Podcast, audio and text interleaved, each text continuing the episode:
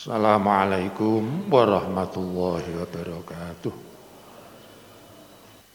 Alhamdulillah. Alhamdulillahilladzi akhrajana minadh dhulumati ilan nur. Wa amarana bi an tuqati'a ahlal fisqi wal fujur. أشهد أن لا إله إلا الله وحده لا شريك له. شهادة عبد معترف بربوبيته. وأشهد أن سيدنا محمدا عبده ورسوله الذي جاء بالهدى ودين الحق ليظهره على الدين كله. اللهم فصل وسلم على سيدنا محمد وعلى آله وصحبه وعلى آله وصحبه الذين جاهدوا في الله حق جهاده فهداهم سواء السبيل. أما بعد فيا عباد الله أوصيني نفسي وإياكم بتقوى الله. فاتقوا الله. wattaqullaha haqqa tuqatih wa la tamutunna illa wa antum muslimun. Jamaah Jumat rahimakumullah. Belajar mencari ilmu tidak cukup hanya dengan membaca, mendengarkan ataupun melihat tapi suatu ilmu akan lebih bernilai meresap kalau kemudian diikuti dengan iktibar, mengambil pelajaran dari peristiwa yang sudah terjadi. Dan Al-Quran memerintahkan itu. Sehingga ada beberapa ayat Fa'atabiru ya ulil absar Fa'tabiru ya ulil albab dan sebagainya. Dalam surat Yusuf ayat 111 berkaitan dengan kisah para nabi dan para rasul Allah juga sudah mendawuhkan A'udzu billahi minasyaitonir rajim Laqad kana fi qasasihim ibratul liulil albab Sungguh di dalam kisah-kisah para nabi terdapat pelajaran bagi orang-orang yang mau mengambil pelajaran atau yang mempunyai akal pikiran. Salah satu kisah Nabi yang banyak riwayat menjelaskan kejadian di tanggal 10 Muharram adalah kisah Nabi Yunus alaihissalam yang hidup kira-kira 8 abad sebelum Masehi di daerah Ninawa Mosul atau negara Irak sekarang. Kita tahu kisah Nabi Yunus yang bisa diambil pelajaran ketika beliau meninggalkan umatnya karena tidak diberi ketabahan banyak umatnya yang tidak mempercayai tidak mengikuti dakwahnya. Maka ketika lari dari umatnya Nabi Yunus kemudian sama Allah diperingatkan dengan dimakan bibat nilhut di dalam perut ikan yang sering kita dengar. Dari wayat menyebut Nabi Yunus berada di dalam perut ikan ini 40 hari. Sebagai manusia biasa beliau mengalami depresi ataupun tekanan mental yang luar biasa. Namun dengan pengakuan Nabi Yunus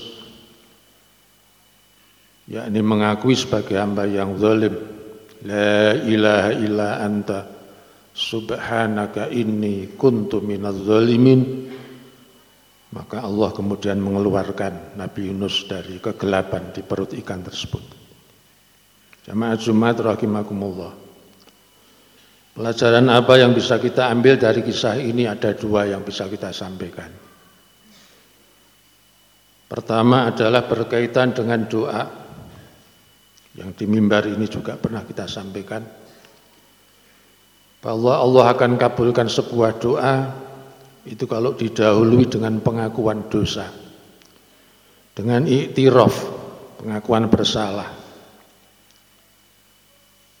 maka Quran sudah memberikan pelajaran bahwa doa yang akan terkabul adalah doa yang didahului dengan pengakuan dosa dan bersalah sama seperti situasi pada saat sekarang ini, siapa pun yang mengalami tekanan dan kemudian ingin untuk mendapatkan solusi dari Allah, saya mengingatkan sekali lagi pada diri saya sendiri, umum kepada panjenengan semua. Jangan langsung berdoa itu jujuk, minta apa yang kita kehendaki, tapi kita mengakui bersalah dan berdosa lebih dulu. Pak insya Allah doa kita akan dikabulkan oleh Allah Subhanahu wa taala. Amin. Jamaah Jumat rahimakumullah, pelajaran yang kedua adalah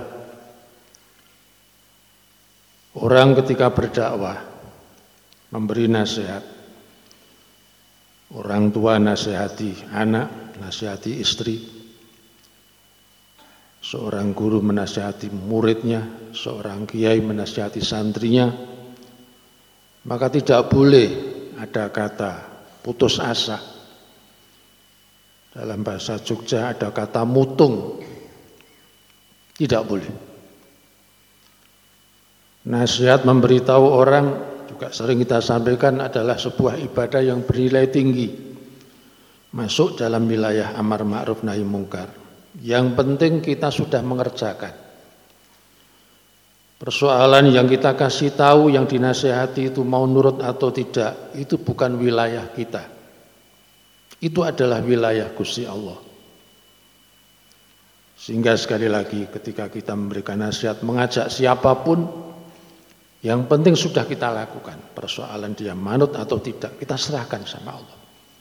Dan ini bukan hanya kita, Quran juga sudah memberikan pelajaran apa yang dialami oleh Rasulullah Muhammad sallallahu alaihi wasallam.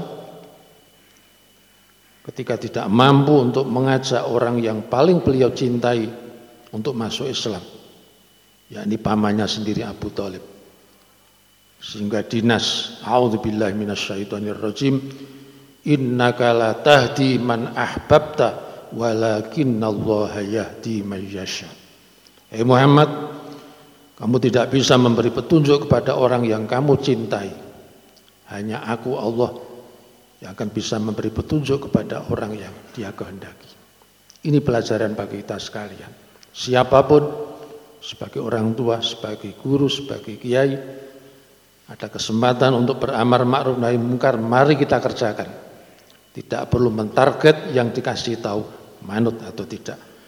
بارك الله لي ولكم في القرآن العظيم وهدانا وإياكم إلى صراط مستقيم ونفعني وإياكم بالآيات والذكر الحكيم أقول قولي هذا فاستغفر الله وتوبوا إليه إنه هو الغفور الرحيم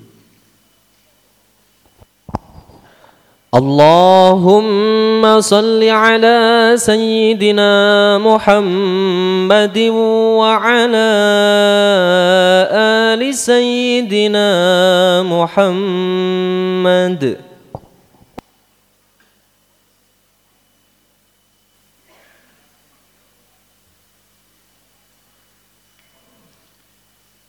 الحمد لله حق حمدي حمدا يوافي نعمه ويكافئ مزيده أشهد أن لا إله إلا الله وحده لا شريك له وأشهد أن محمدا عبده ورسوله اللهم صل على سيدنا محمد وعلى آله وأصحابه وعلى سائر الذين أطاعوا الله ورسوله صل وسلم تسليما كثيرا أما بعد فأعوذ بالله من الشيطان الرجيم يا أيها الذين آمنوا اتقوا الله حق تقاته ولا تموتن إلا وأنتم مسلمون واعلموا أيها المؤمنون أن الله تعالى صلى على نبيه قديما وبدأ بنفسه تعليما وقال عز وجل إن الله وملائكته يصلون على النبي يا أيها الذين آمنوا صلوا عليه وسلموا تسليما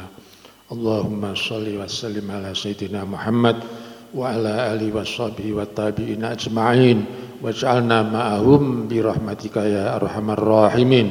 اللهم اغفر للمؤمنين والمؤمنات والمسلمين والمسلمات الأحياء منهم والأموات.